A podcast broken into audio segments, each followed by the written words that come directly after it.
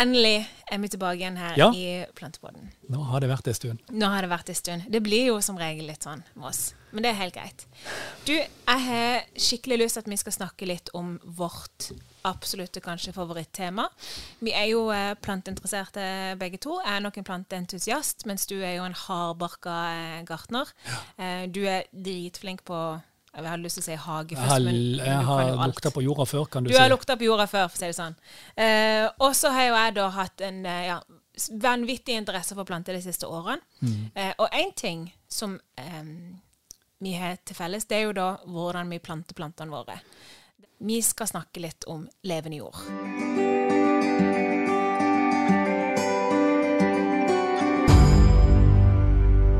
Er jo et fantastisk konsept. Ja. Og hva er egentlig hva er levende jord, og hva er forskjellen på levende jord og på eh, plantejord med torv eller kokosfibre? Fordi veldig mange får jo til plante i masse forskjellig type jord.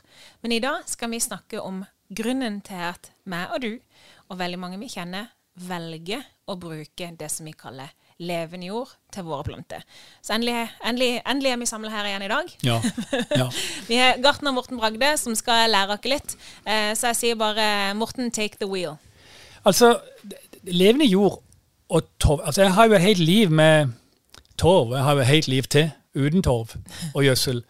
Eh, og det er jo klart det at eh, når vi brukte torv og gjødsel sånn som liksom verden fremdeles er, Sånn som værmannsen gjør. Man sånn som værmannsen gjør, Ja. det, alle plantene du får kjøpt, er jo dyrka i, i torv, og som er gjødsla for at de skal se fine ut. Men det er ikke sikkert så mange vet det, at når du kjøper en plante på et drivhus eller på butikken, så står ikke den i jord. Han står faktisk i torv. Ja, og det rare er jo at de har lov til å kalle det jord, eh, sånn, rent sånn definisjonsmessig fra eh, norsk standard. Men, men, men det er jo ikke jord som en plante vil ha. Altså Den jorda som du finner oppi ei pott i dag, er jo torv. Så det nærmeste du kommer en plante som vil kalle det jord, det vil jo være en myrplante, f.eks. myrull eller noe sånt som det. De har, de har jo da på en måte eh, De har jo torv som sin jord. Men, men det er jo ingen av de plantene vi har i stua. Og, og, og da må vi bare tenke oss litt om, for hvorfor har vi da altså levende jord? Eh, det er jo det alle andre planter står i. Og, og så tenker jeg sånn at alle andre planter i naturen, i jungelen, der vi henter våre stueplanter fra, eller i hvor som helst i hele verden, så står de i ei jord som er det vi kaller levende fordi den er full av mikroorganismer. Den er full av sopper, den er full av bakterier, den er full av såkalte protozoer. Protozoer er, er, er er litt, Det er de aller minste dyrene i denne verden. Det er protozoene. Protozo.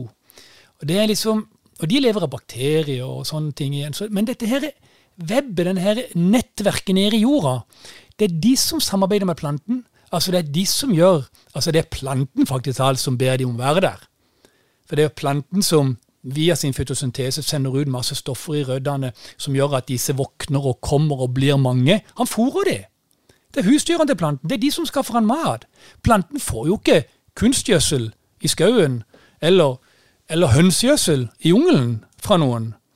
Altså Hvis det er et rådyr som kommer og driter et sted i skauen på en vidveis, sånn, så syns jo Vidvesen det er kjempegøy i et par uker, men det er jo ikke noe stor sjanse for at den kommer og driter akkurat der en gang til. Jeg skulle det, til å si lykke til med for det rådet at du kommer tilbake hver 14. dag. ja, det det men, akkurat mener. Så samme det, liksom, det, det er jo ikke naturlig for noen planter å ha eh, verken naturgjødsel, som de kaller det, eller kunstgjødsel.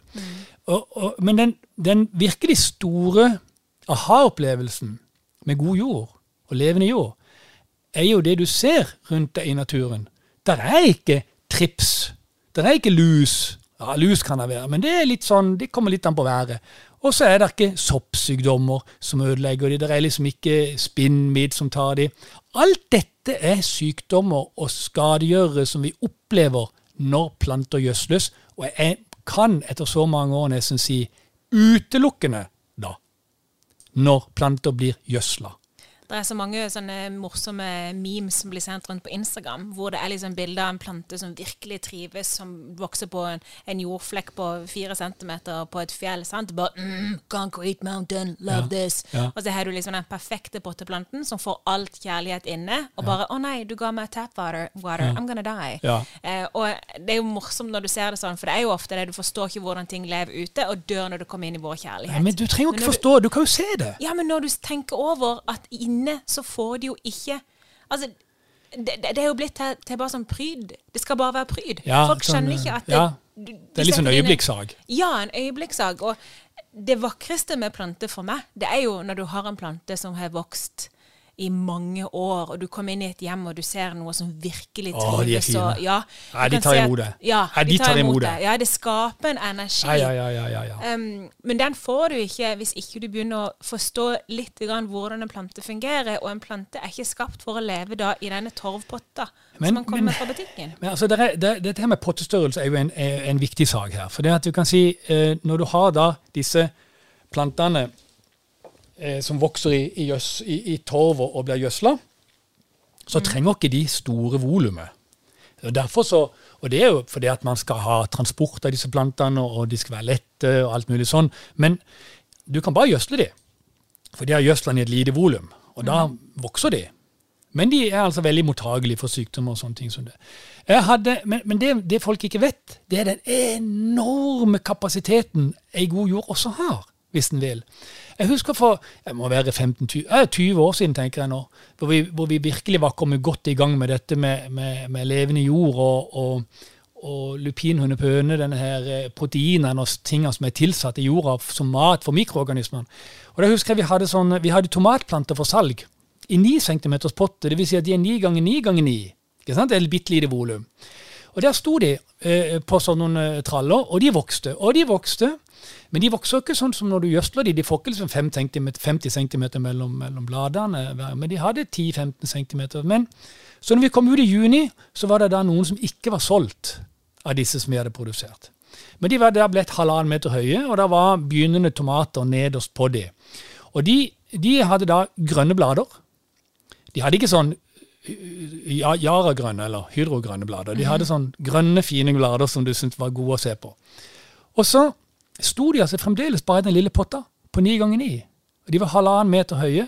Det eneste disse fikk, Belinda, var vann. Kun vann. I fire måneder. Altså, det er levende, det er virkelig god jord. Og da tenker jeg, der snakker vi kapasitet. Vi gjødsla ikke én gang. Vi bare vanna. Og de var halvannen meter høye. Begynnende tomater. Grønne og fine. Wow. Ja, wow. Og det var jo veldig mange som, som, som sa, og som begynte å så- å se at den jorda vi hadde, den var veldig god. Um, dette er forskjellen. Og for å si det sånn, jeg hadde verken griffelråte, jeg hadde verken hvitfly, jeg hadde ikke noen ting. Jeg hadde ikke noen ting på de plantene. De er, altså, jeg har noen bilder ennå de. Altså, de er, det er vidunderlig. Skjønner du? Og det er det vi bruker. Altså, det er det jeg alltid har brukt de siste 30 årene.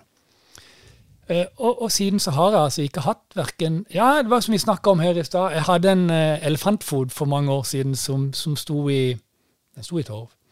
Og det var så lenge siden at jeg Hadde tror jeg- du en elefantfot som sto i tåa? ja, jo, det. Og det er nok, det er nok, det er nok innenfor de 30 årene. Det er nok det, altså. Og jeg tror faktisk at jeg ga noe sånn organisk gjødsel den gangen. Der, men, eh, men eh, uansett, den fikk i hvert fall ullus. Ja. Det var, vanskelig å bli kvitt, altså. Det er forferdelig å bli kvitt. Og jeg har jo sjøl har holdt på med planter nå ganske lenge. Handla mye planter. Jeg har sikkert handla 300-400-500 planter de siste fire årene. Sant? Ja, ja. Tatt fullstendig av gårde. Mista det helt. Men jeg har jo da begynt jo med at alt ble satt, tatt inn i hus, satt rett i karantene i en uke eller to, før jeg da forsiktig potta om i levende jord, og ble plassert det der det skulle stå. sant? Eh, ingen problemer, alt har gått smertefritt hos meg. Forutenom det pengetreet fra dere Ja. som var 50 år gammelt, som nå er dødt. Ja. Den eh, tar jeg Ja, det ble plassert feil. Det plasserte jeg i mørket. Ja. Det var før jeg visste noen ting. Ja. Uansett. Så em, alle disse årene, alle disse plantene, levende jord, ingen problem. Så fordi at jeg har en Instagram med mye følgere, og veldig mange som blir veldig frustrert over at de ikke kan få tak i den jorda jeg har brukt, så har jeg da gått inn for å bruke vanlig i gåsetegn plantejord, som selges på rundt omkring overalt, for å kunne ha noen ting å si til dem. Sant? Når de spør meg eh, ja, men har du prøvd den, den jorda, så kan jeg si ja, det har jeg. Eller, sant? Så jeg har Ja. virkelig gått inn for å prøve å lære meg om vanlig jord og gjødsling. For Ja. det er jo det hver mann som bruker. Ja. Morten, jeg har så mye skadedyr. There, For første gang på fire år. Vet du hva? Jeg har spinnmidd, jeg har ullus, jeg har skjoldlus, jeg har um, eh, spinnmidd, ullus, skjoldlus eh, Hva søren er det her? Jeg har alt som kan krype og gå av skadedyr. Jeg har jo ikke hatt det på fire år, så jeg, er jo så jeg skjønner jo ikke hva jeg skal gjøre for noe. Belinda, altså, det, vi lærte på gartnerskolen i 1980 at når vi skulle dyrke roser ute, så skulle vi sprøyte de hver 14. dag. Det skulle folk lære å gjøre. Forebyggende mot soppsykdommer. Fordi de har så dårlig immunforsvar. Og de, skjønner du? Og da, altså, nå sitter vi Og da Skjønner du? Vi solgte jo ei flaske med litt av hvert, kan du si, for hver eneste ros vi solgte. Så er, det er jo der er, ja, Kall det konspirasjonsteori. Men i hvert fall, i hvert fall så er det sånn i, i realiteten at uh, det selges en del gjødsel, og det selges en del medisiner i tillegg, fordi man da ikke har levende jord. Ja, for det er jo akkurat dette her. Når du kjøper en plante, så kjøper du og torvjord. Så må du òg kjøpe gjødsel, og du må kjøpe medisinene. Og det var det, Før vi begynte denne podden, så fortalte jeg deg om eh, Skal holde navnet hemmelig. Men eh, du kan sammenligne meg med en annen menneske jeg har i mitt liv som er ganske lik meg. Ganske lik eh, høyde, vekt, livsstil. livsstil. sant? Eh, jeg er jo veldig glad i å spise så mye næring jeg bare kan. Jeg, som, jeg, kan leve på, jeg kan spise pizza, det er ingen problem, men da skal jeg ha i hvert fall en håndfull med spinat på sida. Jeg skal pro kropp, presse kroppen min full av næring. Eh, og det har gjort at når jeg tar blodprøve hos legen, så jeg maksimerer alle verdiene mine, og jeg trenger ikke ta noe tilskudd. sant? Woohoo. Så har du da dette andre mennesket som jeg kjenner, som da velger å heller spise bare pizzaen og droppe spinaten. Og dette mennesket må jo ta altså så vanvittig mye tilskudd av eh, vitaminer bare for å få opp verdiene sine. I tillegg så må jo dette mennesket da ha vanvittig mye med medisiner for alt det som er galt hele forbanna tida. Og det er jo litt sånn i planteriket. Ja, det er litt sånn prosessert eh, opplegg, og litt lett, lett opptagelige næringsstoffer, som vi kaller det nei, i, i, Ja. i planteverden, med gjødsel og, og sånne ting. Det er klart det. Og det er klart, når, når, når du altså, det som jo folk ikke får med seg i dette, i forhold til plantene, er jo det at denne levende jorda, som vi kaller levende jord, er jo fordi den er så full av mikroorganismer og sopper og bakterier og protozoer og sånne ting. som det disse syntetiserer eller bryter ned med hjelp av enzymer en haug av stoffer som ikke, som ikke du får inn i en sekk med gjødsel eller ei flaske med gjødsel. Får det ikke inn der. For det produseres hvert sekund når en plante trenger noe i den jorda. Det er derfor han aldri er syk. Han er ikke det. Ok, han blir syk hvis han blir stående for mørkt. Ja, Altså, selvfølgelig. so det er jo mange som har Men det er jo en, med det, mørket. det er jo ja. brøler som en kan gjøre noe med. Det har jo ikke noe med jorda å gjøre. Men altså, det, det er på grunn av alle disse. Og der kommer pottestørrelse, vi var inne på i stad, litt inn igjen. For det at disse små pottene som, som Det er ikke nødvendig med større potter enn det du ser til, til stueplanter du får kjøpt, fordi at de blir gjødsla, og de, har, de, de står bare i torv. Altså, de lever jo ikke i torv. De ba, det er noe som holder planten fast. Ikke sant? Det er et substrat. Ja. Men når du da får, eh, eh, for å få levende jord, så er det mye lettere Jeg fortalte med den 9 cm i stad. ikke sant? Vi var, vi var nokså flinke. Vi passer på vann hele tida. Passelig med vann. Og de sto på et filtunderlag som gjør at vannet trekker ut av det igjen. ikke sant? Så her kan man bare vanne, og så trekker det ut. Så det er ikke noe som blir stående, de tørker ikke osv. Derfor så var de i sitt toppform. Vann er nummer én, Belinda. Vann er nesten, det er jo viktigere enn jord. Uten Ja, vann kommer lys ingenting er til. nummer én. Ja, Men for mye vann er jo døden, og for lite vann er døden. Så det å være flink til å kjenne etter og se og, og, og, og, virkelig ha litt kontakt med planten din, det er noe av det viktigste. det. Altså Hvis du kan gå inn i rommet, og så ser du deg rundt, og så blir vant til Ok, hadde du sett et menneske i rommet, så hadde du sagt hei. ikke sant? Og så, og så ser du men, men du må se hen i vinduet. du må se henne på det. Så kan du si Trenger ikke rope det, for du skjønner jo at de kan høre det. Men ja, egentlig er jeg ikke helt sikker på det heller, de siste der. Men uansett, du kan i hvert fall si hei inni det til planten. Og når du gjør det, så ser du på den. Og da ser du at den strutter litt. Du ser at overflaten er Ah, Den er kraftfull. Den Er full av liv. Skjønner du? Men en dag som han har gått f.eks. I, litt varmt, og så har han tørka litt opp og begynner å henge, så ser du at for det første så er det første du lærer der, merker er jo det at bladvinkelen er litt lavere, så han er litt flatere, kan du si, i posituren. Mm. Um, men, men før det så kan du se det. Og du kan se hvis farven begynner å bli litt blass. Han er Ja, ikke så spenstig som han var dagen før. Ja, du kan absolutt det. Du kan absolutt det. Og det har jo, jo deg. det har jo med, med, med lys å gjøre og, og vann å gjøre. ikke sant? Men, men først og fremst så har det med vi, de, Når de vokser veldig, som de gjør når de får gjødsel, så får de litt langstrakte celler. med tynnere cellevegger, de blir litt mer fragile. Samtidig som folk, når ikke du ser dette, så opplever folk det som Wow, se på denne, du! Hæ? Den trives.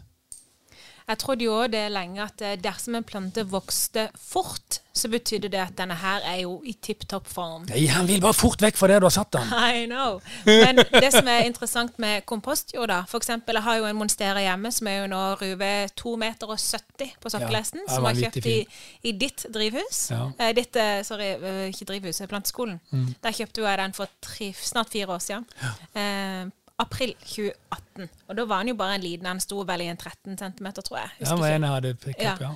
Og den er jo plassert sånn i kompostjord hele sitt liv. Eh, og den har jo vokst altså så seint. I forhold til andre monsterer som er sittet i, i, i, um, i, eh, torv og gjødsel, så har jo min han har korte mellomrom, han har korte stengler, han har store blader, kommer ut sjelden. Og tjukke stengler. Og tjukke! Har du sett den der massive karen? En sånn He-Man. Har du sett? I bonden Ja, så er de litt ja. smale, men så når du kommer litt oppover, så er det sånn er ja, skikkelig ja, ja, Ordentlig kasse. Og nå er han jo en sånn en kar som jeg nesten må kreve husleie av. Og det er jo der, altså, når du skjønner hvordan Veksten skal ikke være rask. Nei, han. Men han skal være riktig. Ja. Se på de plantene jeg har som jeg har behandla på den måten. Det kan ikke sammenlignes med, med det som du ah, Nei, det, det er utrolig Det er nesten litt frustrerende. Men Eh, det, er jo, men det er jo sånn det er, altså. Eh, Planter vokser jo naturlig eh, mye, veldig annerledes i forhold til når de blir gjødsla. ja. Og det er jo et det er jo vi som, det jo vi som har lært oss at en plante, når den vokser mye, så er det bra. Mm. Altså, det er jo en junkie. Ja, man skal ikke vokse Nei, jeg skal ikke på det. Altså, jeg ser jo Tomatplanter spesielt det er jo et stjerneeksempel. Mm. Hvor du har i et tomatgartneri nesten hvor som helst, også i økologisk gartneri, og så Mm. ser du tomatplanter som er gjødsla. Og de er, da, de er jo da, på slutten av sesongen så er de åtte-ti meter lange. Mm. Og mine, som eh, de var vel det var to og en halv, tre. Mm. Men jeg hadde fem centimeter mellom hver klase, så de lå liksom bare på hverandre. Og så var stilken som en sånn underarm Mm. på de. Og det er forskjellen. Det, og det, det var det du sa i stad, Belinda. Dette her med at eh, når de vokser fort, så syns vi det er så bra. Det vi ikke forstår, vi, de fleste av oss, det er rett og slett at planter lever ca. 200 ganger senere enn oss. I oppfattelsen. Og måten å, måten å være på. Og agere på. Bevege seg på. Ikke sant? Det er 200 ganger seinere. Så vi må faktisk talt sette oss ned og så tenke oss at en plante vokser. Og så må vi gå og så må vi se neste dag. For jeg ser forskjell fra dag til dag på planter jeg har. Jeg har en basilikum på disken for, på, på, på, på pulten foran meg, eller jeg har tre, da. Som står der um, Jeg holder på å skrive noen bøker nå. Og der uh, har jeg de rett foran meg. Og eh, når jeg kommer ned om morgenen, så, så ser jeg veldig fort litt plass, eller han, eh, eller han har vokst. Jeg ser han har vokst. Du ser jo når de vokser. Men du må bare ikke forvente at de skal liksom hive seg rundt som et bambusskudd. Og dette med, dette med um, akkurat dette med bevegelser Det var Jeg husker ikke om det var da jeg fikk denne monsteraen min og jeg hadde plassert den, jeg drev og snudde den hele tida for at bladene skulle være inn mot stua. Og så sa du til meg, men kjære deg, planten ja, beveger seg 200 ganger senere enn oss. Og det han gjør nå, er at han bruker all sin energi på å desperat snu seg mot vinduet Ja. for å få den fotosen, for å få de solcellene han trenger for å overleve. Og det? hver gang planten er klar til å snu seg, så kommer jeg inn og bare hmm, Ja. La meg snu deg tilbake igjen. Umerkelig. Og, og da jeg slutta med det, da jeg begynte bare å plassere monseren min foran en lyskilde, og la han, stå, for- la han få lov til å vende bladene mot lyset, sånn som han gjør ute i det fri, Ja. det var jo da han begynte å slappe av, og begynte å gi meg disse store Du vet, vi, du vet, vi mennesker er symmetriske som, som organismer. Og, og, og, og planter er også det, for så vidt, men, men, men ikke, som, ikke som en helhet. så er de ikke symmetriske. Og, det er helt klart det at eh, vi kan også stå vendt mot vinduet og så stå og se ut av der en, en dag. ikke sant? Men i, i tverrplanet vårt så er vi symmetriske. Og, litt sånn er det med en plante òg. At eh, så den her monsteraen, eksempel, den du har jo sett bladene på han, og disse cellene som ligger i stilken, som krøller seg på den sida de skal vri bladet. Du ser at det på en måte er mekanikken her omtrent, men det er bare såkalt det sånn cellevanntrykk inni cellene som reguleres. Og så vokser de kanskje noen ekstra celler et sted for at de skal snu bladet sitt. Og da skur de på stilken, sånn at han snur bladet sitt mot, mot lyset. Og når du da kommer og så tar og snur den igjen, så, så blir han pissesur, altså. Det er der man begynner å dominere naturen, og som eh, klinisk psykolog Ja, for vi skal ha de til å se så. De, de skal være så, så perfekte og, og Ja, symmetriske. De er jo ikke- ikke sånn. Nei, de skal ikke være det. Men, min svære, fine monster han åpna opp et nytt blad hvor han bare mangler en skulder. Han kom ut som tre fjerdedeler. Ja. Fordi han slapp ut et blad på vinteren, det er ikke noe lys. sant? Stakkars kar. Mm, Ja. Jeg ser jo på denne misforma bladet der og tenker herregud, så skjønn. Ja. Sant? Plantene de skal jo få lov til å ha litt skavanker, akkurat som vi har når du tar en tropisk plante inn i et norsk hjem. Fordi om jeg prøver med luftfukter, jeg prøver med kompostgjør, jeg gjør alt det jeg kan for å gi den et godt miljø, så er det en tropisk plante i et norsk hjem. Han vil ha brune kanter, han vil komme ut med deformerte blader. Ting vil skje. Det ødelegger ikke pryden til planten, mener jeg. Nei, og Det er veldig godt å høre. fordi at det, det naturlig utseende er jo ikke et show-eksemplar på en eller annen pi- pidestall. Um, eh, men, men det er klart det at det, disse plantene lever jo vanligvis på områder hvor ikke de opplever sånne utfordringer som et blad som ikke blir til noe pga. dårlig lys om vinteren. De, de, men det de beviser, er jo at denne grønne monsteraen den har bedre evne til å overleve enn andre. Fordi at når du da får lite lys på vinteren, og ikke du har fått den altså Til og med i vinduet på vinteren så er det for lite lys Ja. for disse plantene. Men det de gjør, de prøver å sette opp et blad til for å få litt mer fotosyntese. Men for å få det til, så har de ikke nok fotosyntese på de andre bladene til å produsere energi nok Mm. pga. det lite lyset. Og hva gjør de da? Da kvitter de seg med et blad, for i et blad så er det fullt av sukker og glukose og karbohydrater. Og det er noe de bruker til å kjøre opp et nytt blad som er friskt og kan. Så Derfor så får de brune blader nederst. De som er minst i lyset, de som det er minst bruk for, velger planten bort og lar dø på vinteren når de trenger mer lys enn det du har gitt dem. Nå syns jeg faktisk talt at det, Uh, uh, det er mange måter å, å, å fikse dette på, Belinda. Uh, eh, du, har, du har lys, og du har temperatur. Men når du kommer til jord, så er det faktisk talt utrolig viktig at vi kjenner godt etter med fingeren, og ikke bare på toppen, at vi stinker av godt nedi, og holder han der lenge nok til å kjenne om at her er det lunt, det er litt fuktig, det er litt varme her nede, det er fint, dette er gode steder, tenker du, ikke sant? Da har du et greit sted for planten. Da har du Da vann nok, og de skal på vinteren være litt på den tørre sida. Ja, mine er veldig Skjønner du, ikke sant? tørre. Ja. Sånn at de, og dette må du kjenne på, du må ta på dem, ikke sant? og kjenne om de er saftspent eller nok eller ikke. Og du kan ikke få presisert nok hvor viktig det er. For jeg ser mange som bare ja, men de kjenner i de øverste to lagene. Øverste to centimeterne. Men plantene som du har lært meg, de spiser på topp og drikker på bunn. Du må så dypt ned du bare kan for å kjenne etter. Og jeg har dekka all jord. Altså det har jeg alltid gjort. Og det er helt klart det er en stueplante. Så er det alle de bladene som forteller om noe om vinteren som går av, som de kvitter seg med, de klipper jeg bedre og legger ut overalt. Og du får da, da får du dette her gode livet i jorda. Og bare for å ta tilbake den pottstørrelsen i stad. Du trenger litt mer pottstørrelse enn vanlig når du har levende jord, enn den torva som er, som er, som, eller enn den potta som er, som er nødvendig for torv og gjødsel. Så når du kjøper en plante, bør jeg For jeg pleier alltid å gå to størrelser opp. Kan jeg gå mer enn to størrelser opp? Hva mener du med en størrelse? To centimeter. Eh, oh. Du vet det, det har alltid jeg tenkt. Ytterste, ytterste, ytterste ledd på tommelen. Ja. Det var, det var, det var målet Ah. før i tida. Vet du hva jeg pleier å måle? Du vet når du skifter bleie på en baby? Ja. Så skal du kjenne mellom magen og bleia Ah. at det er liksom to centimeter cirka der, for da vet du at den ikke er for stram eller for Ah, stor. ok, ja, men Det kan du Ja. godt tenke. Men jeg bruker altså da ytterste ledd på tommelen. Det har alltid vært en måte radiusen du skal øke med. Mm. Så det er egentlig to lengder av den totalt i, bred, i diameter. To, to To sånne i diameter på potta. Oi. Men du skal ha så mye ny jord. Ja. Okay. Det var når vi hadde torv og gjødsel. Når du har levende jord, så kan du godt ha eh, fem centimeter på begge Altså ti- og- og- fem-ti centimeter mer i diameter. Yes. Ja. Okay. For det, fordi det, eh, de krever litt mer Altså Du kan si det sånn at disse bakteriene, protozoene og soppene er ikke, ah, er ikke like effektive som kunstgjødsla er. Skjønner du? Så de må ha litt mer plass for å produsere noe. Og når du tenker deg om, så vil jo denne planten naturlig ha stått i et område som er en kubikk. Ja. Og Ja. vi har 0,00000 kubikk i en potte, Ja. så derfor er det litt viktig å ha litt mer volum på det.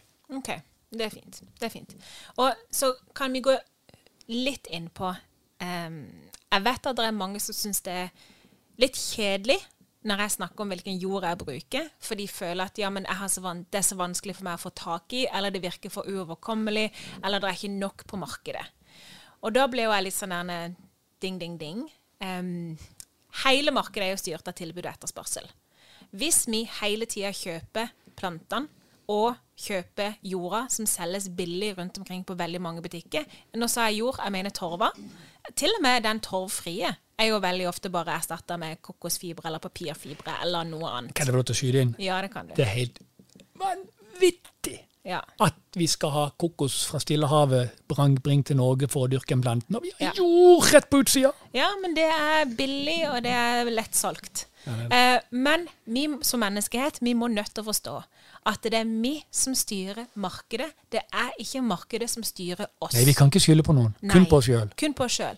Så hvis du som hører på dette her, har lyst til å gjøre planter på plantenes vis, på den naturlige måten som vi er veldig glad i å gjøre, men du syns det er vanskelig at ikke det er nok på markedet, så be the change you want to see in this world. sant? Men det handler bare om å ta et standpunkt. da.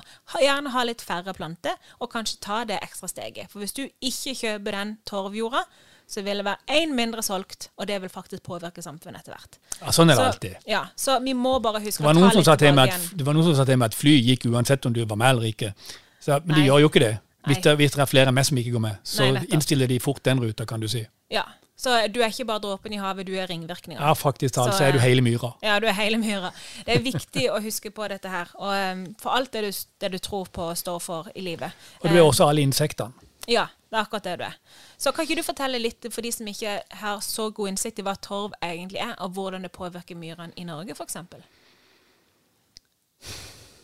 Torv er jo en helt spesiell naturtype som opptrer fordi at det er en mose som heter spagnum, som vokser der.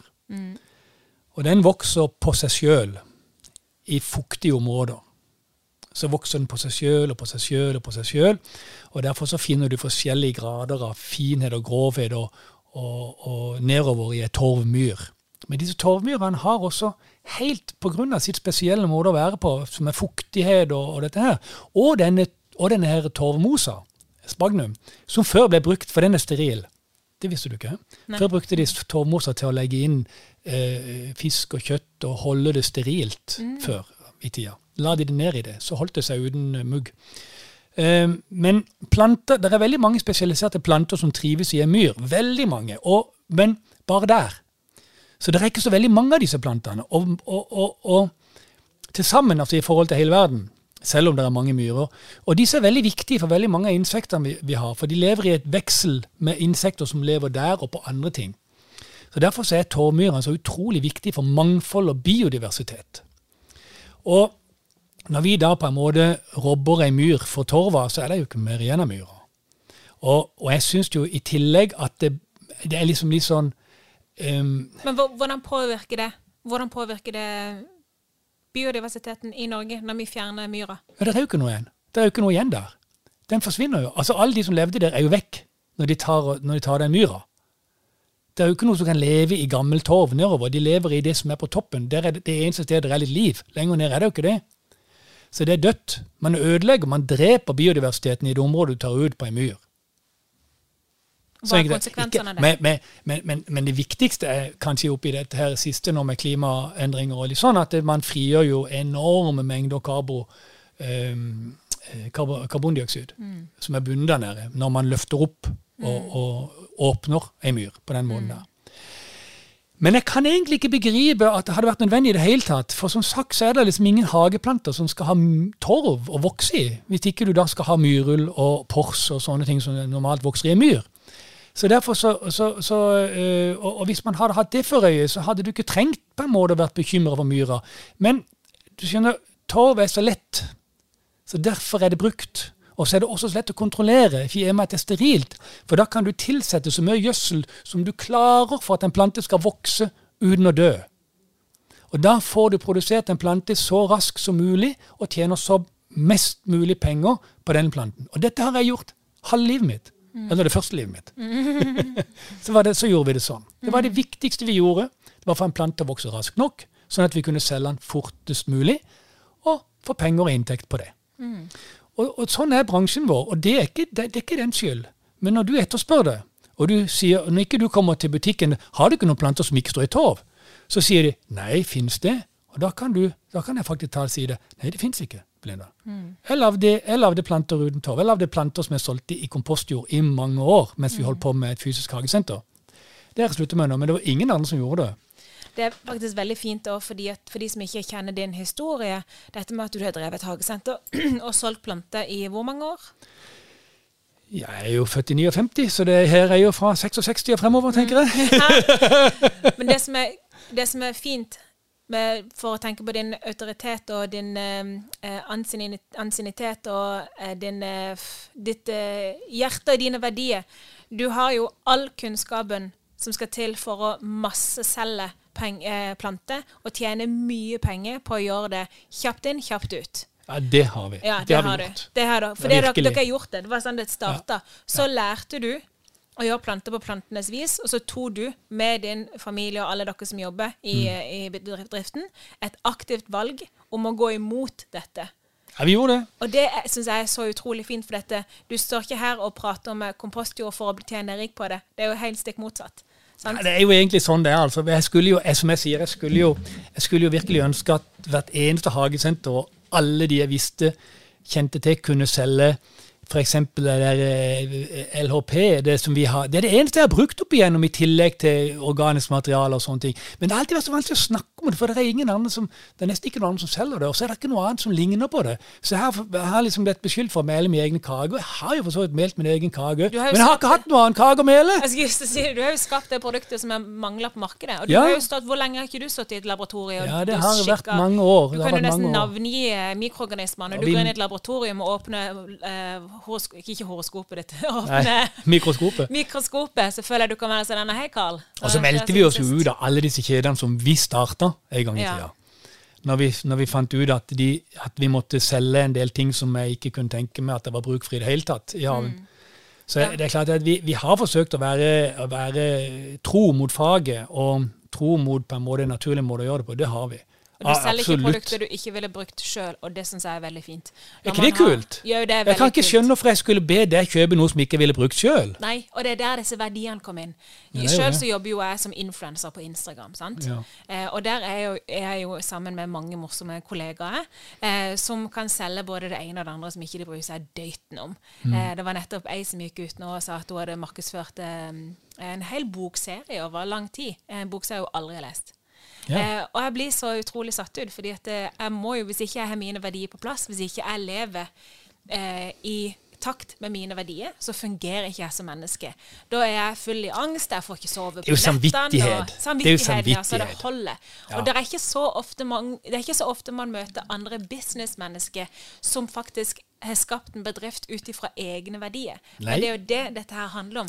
Så LHP, dette her er jo et produkt som du har skapt Du, i vil, vil nå, altså, vil, på jord, altså Den tida der, før det første livet mitt da, hadde, Mm. Det da, var jeg, du da, var vi, da var vi så nær, nerder at vi, vi telte altså vi, vi hadde styringer, elektroniske styringer. Jeg satte opp alt mulig med solinnstråling og kalorier og you name it. For, ja, det var enormt. Men vi hadde torver vår. Det var ikke hvilken som helst torv. Det var to torver i Sverige som vi kunne bruke torver fra til å få det som vi ville med veksten. Seljemyr og kåremåler, husker jeg. Og det er liksom Den var grov nok til å få dette her til. Men, men, men vi måtte jo gjødsle noe vanvittig for det. Men nok om det. Altså, levende jord, Belinda, det, det, den gjør så veldig mye mer enn å holde en plante fast. For det er egentlig det eneste torva gjør. Den holder planten fast. Og så kan du gi den mat. Men det er du Samme som gir den mat. Samme som holder på med, med semihydro. De har jo bare fjerna alt som er av torv og jord. Sant? Og da trenger de bare en vase til å holde planten fast, og så trenger de litt gjødsel. Ja. Det er det som skal til. ja. Og det, det kan gjøres på så utrolig mange måter. Sant? Alle, du, du som lytter nå, du kan gjøre akkurat den måten som du har lyst til å gjøre. Men vi prøver jo å eh, få vår metode, om jeg kan kalle det, eh, det som vi kaller for god vår-metoden, få den litt frem i lyset, fordi at det er så mange fordeler, både miljømessig og økonomisk. Ikke minst økonomien. Det er jo mye rimeligere i lengden. Ja, veldig mye. Men, men jeg må jo si det at jeg har ofte snakka om at jeg syns det er litt gøyere å mestre og gjøre det på en naturlig måte. Men jeg kan jo med hånda på hjertet si og se hvem som helst rett inn i øynene og si at det er vanskeligere å gjøre det med torv og gjødsel. Ja, det synes jeg Det er mer mestring å klare det Ja. enn å gjøre det naturlig. Jeg måtte jo lære meg nå for å kunne, for å kunne vite hva alternativet er. For jeg er jo skulle jeg si, født og oppvokst på kompostjord. Jeg, det var jo sånn jeg lærte planter. Jeg ikke kunne noe annet. Nei. Så når jeg da skulle lære meg torv og gjødsling altså For det første, som jeg sa, jeg har jo så mye skadedyr nå. Og for det andre så skjønner jeg jo ikke bæret. Nei. Så eh, det er mye lettere å gjøre Men det. det første vi gjør når vi får hjem en plante altså, Men som jeg sa du får ikke kjøpt får ikke kjøpt planter uten torv, som står i pott uten torv. Altså. Det er torv i pottene. Ja. Eller et lett, lett uh, innholdsrikt uh, innholdsprodukt, altså en struktur. Mm. Og, men som jeg sa, kan du huske de her små firkanta pottene som jeg hadde med kompostjorda? Mm. Bare vanna. Det er, det er en annen verden, altså. Egentlig er det ikke ganske kult. Jo, det er enkelt og greit. Ja, det er utrolig enkelt og greit. Og, og en liten ting til, Belinda. Det er det at denne her levende jorda Den tar seg av alt det arbeidet vi hadde med å sprøyte og gjødsle. For den gir plantene maten hvis du bare gir den vann. Du må gi den litt mat òg, for vanligvis så er jo det som ramler ned fra plantene på bakken, det som blir til mat til planten under jorda. Bladene faller av, Blader, greiner, nødder, frø. Mm. Alt dette ramler ned og blir det fulle av fettstoffer, proteiner og alt sånt, og dette blir til mat. Derfor så fôrer vi jorda. Derfor har jeg hatt dette her lupinhundepødstoffet med, som jeg har hatt opp igjen med proteiner og sånne ting. Og derfor så har jeg lagt blader oppi. Jeg har lagt brune blader. Jeg har funnet en rådden kvist og lagt i. Jeg hiver i en epleskott som er full av karbohydrater og sukker til bakteriene og sånne ting som det. Altså, det er det jeg har gjort. Det fungerer fantastisk. Men epleskotten skal du på vinteren og høsten.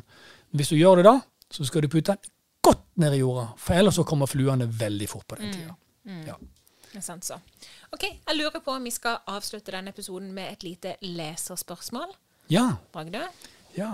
Vi fikk et spørsmål. Skal du Vi fikk et ganske hyggelig spørsmål. Og hvis du lurer på noe, så kan du sende inn eh, spørsmål f.eks. hvis du er på eh, podkast-appen, så er det sånn du kan legge igjen eh, Jeg tror bare det er ett alternativ på denne poden, og det er fem stjerner. Og så kan, du, så kan du legge inn et, eh, et spørsmål der på, sånn, på reviews, eller på anmeldelse, heter det. Ja. Så skal vi sjekke det. Ja, det liker vi. Mm. Um, det jeg lurer på er um, Skal jeg si hvem det er som spør? Trenger ikke si hvem, men du kan bare lese det. Ja, det, det var fint. Det var- Jeg må jo spørre om sånt. Um, er det for sent å bytte til levende jord nå pga. vinteren, spør hun. Og to bør jeg dele monsteraplanter slik at hver moderstamme får sin egen potte. Derfor tar vi det første spørsmålet først. Er det for sent å bytte til levende jord nå pga. vinteren? Nei, det er det ikke. Og jeg må si, hvis jeg kjøper en plante, og det gjør jeg faktisk, så um, Det første jeg gjør, det er å ta av potta og se hvor mye rødder der er. Og se på en måte hvor mye jord der er, eller torv der er igjen. Og så prøver jeg å løsne litt oppi disse røddene, og så gir jeg en ei potte som er 10 cm større i diameter, med levende jord. Og sand i bunnen. Og det er noe av det viktigste nå fremfor vinteren, spesielt hvis ikke en er veldig flinke til å kjenne etter med vanninga. Um, og det er en liten utfordring med, med, med en annen type jord enn torv. For torva slipper liksom bare vannet gjennom den. I, men, men den her kan holde litt på vannet. Derfor er det så viktig med sand. Og jeg har et annet godt triks til det med vanning. Sand er jo for overvanninga, sant? Ja, alltid vann ovenifra. Aldri Nei, for, for sanda, det jeg mener, sanda er for å unngå overvanning. Ja, ja, ja, ja, ja, det er det òg. Og så er det sånn at jeg pleier Jeg kan ofte ha en litt stor underskål, og så kan jeg, ha, og så kan jeg sette planten eh, nedpå sand. Og så kan jeg fylle sand opp rundt planten der nede. For det som er saken altså Dette lærte vi når vi hadde planter i potter på, på, i planteskolen før i tida. Hvis den hang i, selv i torv, så hvis den, når de var dyrka i torv, når den hang i lufta, og vi hadde dryppvanning på den, så døde han av drukning. Fordi at vannet ikke kom ut. Det ble ikke sugd ut av ei undervanningsmatte eller sandlag. eller noe sånt som det. Så Derfor er det sandlaget så veldig viktig. Så når du potter om nå på høsten, er det ekstra viktig pass godt på å få sand inn, og aldri leka. Altså, Lekakuler har jo folk lagt i bunnen av pottene siden leka begynte å produsere de. Det er jo ikke, det er jo ikke noe en plante vet hva er ennå engang. Men det er det skadelig for planten? ikke Ja, visst er det skadelig. Hvorfor? Ja, fordi at den, den, ikke, den drenerer jo ikke vannet på samme måte ut av jorda. Hvis du har leka og så jord, så har du så stor partikkelforskjell at vi får veldig lett det, du kaller, det som kalles et hengende vannspeil. Det vil si at vannet ikke går videre ned på lekaen. Men mange vil jo si at leka drenerer. Men jeg kan si at det renner gjennom lekaen, men det drenerer ikke så godt som sand. Det andre biten jeg vil gjerne ha frem med fordelen med sand, er at i sand går røttene ned. Kan du huske vi sa, du sa det sjøl, de drikker ned og spiser oppe. Så de skal spise jorda, og de skal drikke i sanda. Så Derfor har vi sand i bunnen, for der er vannet lengst, der er fuktigheten lengst.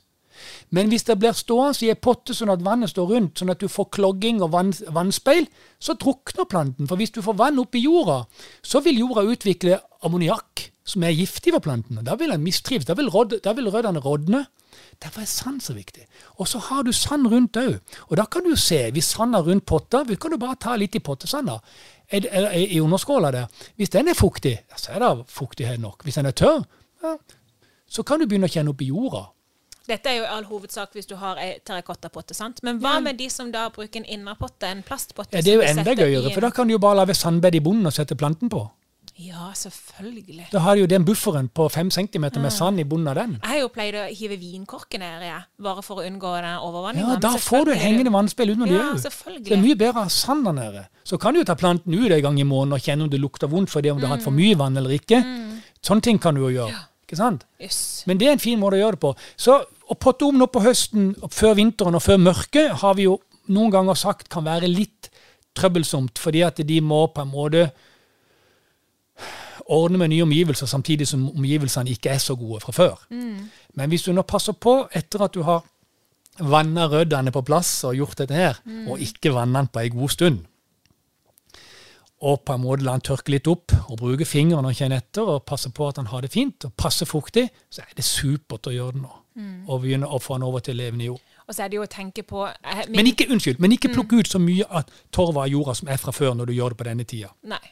Vær litt forsiktig. Ja, det kan du er heller sånn- gjøre i mars. Ja, jeg har sånn tommelfingerregel er at hvis planten trenger ompotting, så får planten ompotting. Ja. Og det å ta fra torv over til levende jord, det er alltid noe planten trenger. Så jeg gjør det absolutt hele Det er året. bare et pluss. Det er bare pluss, ja. Men det jeg tenker da, sånn som i denne såkalte dvaletida, så ser jeg igjen for meg utrolig Jeg har så mye referanser til barn. Jeg har jo ikke barn. Allikevel så refererer jeg alltid til dem. Du vet når du har et sovende barn i bilen, og du veldig gjerne du er kommet hjem, du vil ikke våkne det, så du skal liksom forsiktig få det inn. Du skal få det over i Ja. pysjama, Ja, ja, inn i senga den, uten husker den følelsen når jeg kom ut av bilen, når jeg, når jeg kom ut i lufta før jeg skulle inn. Ja, nettopp. De bar så, meg. ja. Så den der, eh, det prøver jeg å tenke på når jeg skal potte om planter. Så som du sier, ikke fjerne all torva, ikke være for mm. radikal eller Mm. Ja, ja, ja. drastisk med røttene. Litt forsiktig, sant. Overflytte de over. Men jeg vil ikke kalle det dvaletid. For det er dvaletid for oss å få plantene ute. Men for tropiske planter er det ikke dvale. Nei, for de vet, og det er jo en ting også som folk må forstå angående plassering av planter. Det er jo hele saken. Plantene her nå, de er det jo supertørt, kjempevarmt, så Ja. de tror jo at det er sommer. Og så har de ingenting lys. Ja, og hvis du da har plassert planten din på sida av et vindu, i et hjørne, i en gang Og senker eller- temperaturen litt. Og sen, ja, Så har en det bedre. ja, ja, jo svalere, jo bedre. Hjemme nå så har jo jeg samla de fleste plantene mine nede på TV-stua, for den, der er det svalere. Og så har jeg plassert det bare rett foran vinduet. Ja. Og det husker jeg en av de første gangene du kom hjem til meg. Ja. Jeg hadde plassert planter i forskjellige hjørner. Altså, Du kom inn, og du var jo forskrekka. Det var jo som å komme inn i skal ikke si det engang, nesten en konsentrasjonsleir, stakkar. sant? De plantene mine. Du bare 'Du må sette det foran vinduene!' Og jeg bare tenkte ja, men det ser jo så stygt ut. Men nå er jo det det fineste jeg ser. Når ja, folk kan har laga altså- litt sånn fest Ja, det jeg sa til deg vinduet. når, du, når, vi, når vi møttes, Belinda. Når du kommer inn i et hjem hvor du ser plantene står i vinduet, Mm. da skjønner du at de som bor der, de, de, de tenker på plantene. Ja. Gjør det. Når du, sier, du sitter jo her rett under ei gullranke som henger i et hjørne og får ingenting lys. Eh, men gullranka den syns jeg er litt grei. Den tåler det. Ja, Den tåler det meste. Ja. Men hør nå. Det neste spørsmålet, det andre spørsmålet var bør jeg dele monsteraplanten? Altså er, når du kjøper en monsteraplant, så kan det godt være det er to, tre og fire stammer oppi en potte. For å få de over i hver sin pottespørre eh, eh, nå, eh, når du skal potte den opp. Og da vil jeg si nei nå. På grunn av det er vinter. På grunn av det er vinter. For da river du som regel i stykker så mange rødder at han sliter mer enn han trenger i en tid hvor han sliter fra før. Mm. Skjønner du? For Og har ikke nok lys Plantene som kommer fra butikken, kommer fra et gartneri med 100 000 lux. Det er jo sommer da i et gartneri, Mm. og så kommer de hjem til deg, eller til oss. Det, det, det er vanskelig. Så derfor så vent med å dele de til uti mars-april. Og Og det- april er jo en supertid å dele planter i. Ja, ja. Både vent med å dele, vent med å ta stiklinger, avlegg og alt dette her. Bare la det Ja, ja. stå. Hold det i live. Absolutt. Absolutt. Men når da den tida kommer, for det er mange som spør bør jeg å eh, dele opp monsteraen min, så er det jo bare å tenke på at en monstera kan bli 20 meter høy. Og hvis du har sett min monstera, som nå er nesten tre meter, det er én. Jeg hadde jo ikke min villeste fantasi. Kunne, hvordan skulle jeg fått plass til fire-fem av de? Så jeg anbefaler de som ønsker å vokse opp en monstera sånn som han vokser i det fri, hvor han står oppreist og klatrer etter noe med bladene vendt mot sola. Når de blir såpass store, da vil jeg anbefale å dele opp og ha én og én. Eh, Så kan du gjerne samplante pilea oppi eller gullrank eller noe annet eh, hyggelig nede i bunnen der. Så lenge de har samme vanningsbehov, så kan de da stå planta sammen. Du kan jo tenke såpass enkelt at hvis du har fire planter i ei potte, Mm. så er det samme som å ha fire kran, vannkraner på ett røyr. Ja, akkurat. Og så er det jo mange som sier å ja, men jeg tror at jeg har fått den småbladamonsteren. Men de som, den småbladamonsteren den får jo blader på nesten en meter. Det er bare folk tror at småblada de er veldig små, men det er nok bare fordi de Jeg ikke har har lest nok noe sånt på nettet. Jeg må si at jeg har, For meg så har det vært så merkelig dette. Jeg vet at det er et par arter, men ikke sånn som de beskriver det nå. Så det var, Før i tida var det liksom bare den ene, og den har små blader. Den har juvenile blader som er små, og så har den voksne blader som er store. Ja, og, men der er ja, borsigiana, borsigiana og deliciosa. Det er visstnok to forskjellige. Ja, det er det. Men det som er borsigiana, de fleste som har den hjemme i norske hjem, de har den jo i et hjørne, så den har jo veldig små, som du sier, juvenile blader. Mm. Men som voksen, dersom, en, der, dersom din i gåsetegn småblader monstera får riktig lys i riktig jord, riktig lufttemperatur Mm. og riktig vanning, så får den altså bladet på ca. en meter. Ja. Så den er ikke så veldig små blader. Det er bare at ingen vet denne deliciosaen. Folk vet ikke hvor vanvittig store de bladene blir. Det, vi har jo ikke så store blader i Norge. Men for å lykkes med en god plante inne gjennom vinteren nå, Belinda, Mhm. så er dette med veldig god jord veldig viktig. Og så er det veldig viktig med masse lys, og så er det veldig viktig med lavere temperatur enn det vi vanligvis har. Ja. Da- Lavere. Mm, Da går alt så meget bedre. nettopp. Som eh, en kjent mann som nettopp gikk bort, en gang sa. Ja. Og hvis du har problemer med lyset, hvis du bor oppe i nord, eller til og med vi her i sør har jo veldig problemer med lyset, så kan vi anbefale vekstlys for alle penger. Ja. Og da kan du enten eh, Morten bestilte jo for meg noen eh, som vi min nekter å henge opp, som nå kommer opp. Eh, hvor mye er det? Mye, hva er det jeg skal henge opp her? Eh, eh, Du skal henge opp to stykker med sånn eh, er det natriumhøytrykkdamp eller noe sånt. Men det, dette er jo nerdeplanter. Ja, er nerdelamper. nerde. Er Men, eh, dessverre. Ja, men vi må nerde litt her i går. Profesjonelle. Eh, men hvis du har lyst til å gjøre det på en litt mindre nerdete måte, så kan du da bare kjøpe selve lampa. Ja, det kan Eh, du. Selve lyspæra. Ja. Ja. Og hvis du har noen stålamper hjemme, det pleier jeg å ha stålampe, så setter jeg oppi den, og så plasserer jeg den over, over planten. Men ikke gjør den feilen jeg gjorde første året, hvor jeg da plasserte planten i et mørkt hjørne med den lille vekstlyset over. Nei, dette er tilleggslys. Dette er tilleggslys. Så Det er ikke hele den i lyset. vinduskarmen, Ja. og så Masse. eh, masse, ja. Da blir det bra. masse, masse lys. OK, Lin- okay. Linda. Det Dette det var bra. Dette var sannelig litt av en episode, du. Det var det. Ja. ja. Vi kom godt ut av den, tror jeg. Så håper jeg de som lytter, blir eh, inspirert til å eh, finne mer ut av Og send inn spørsmål. Ja, send inn spørsmål, ja. Og så bli inspirert til å gjøre planter på plantenes vis. Ikke bli eh, sur på oss for at vi gjør det.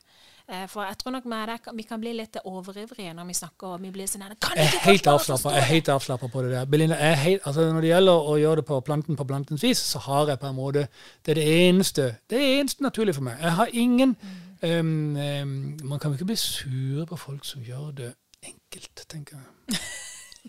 Alt er enkelt for de som kan det, si. ja. OK, ha det godt. Ha det.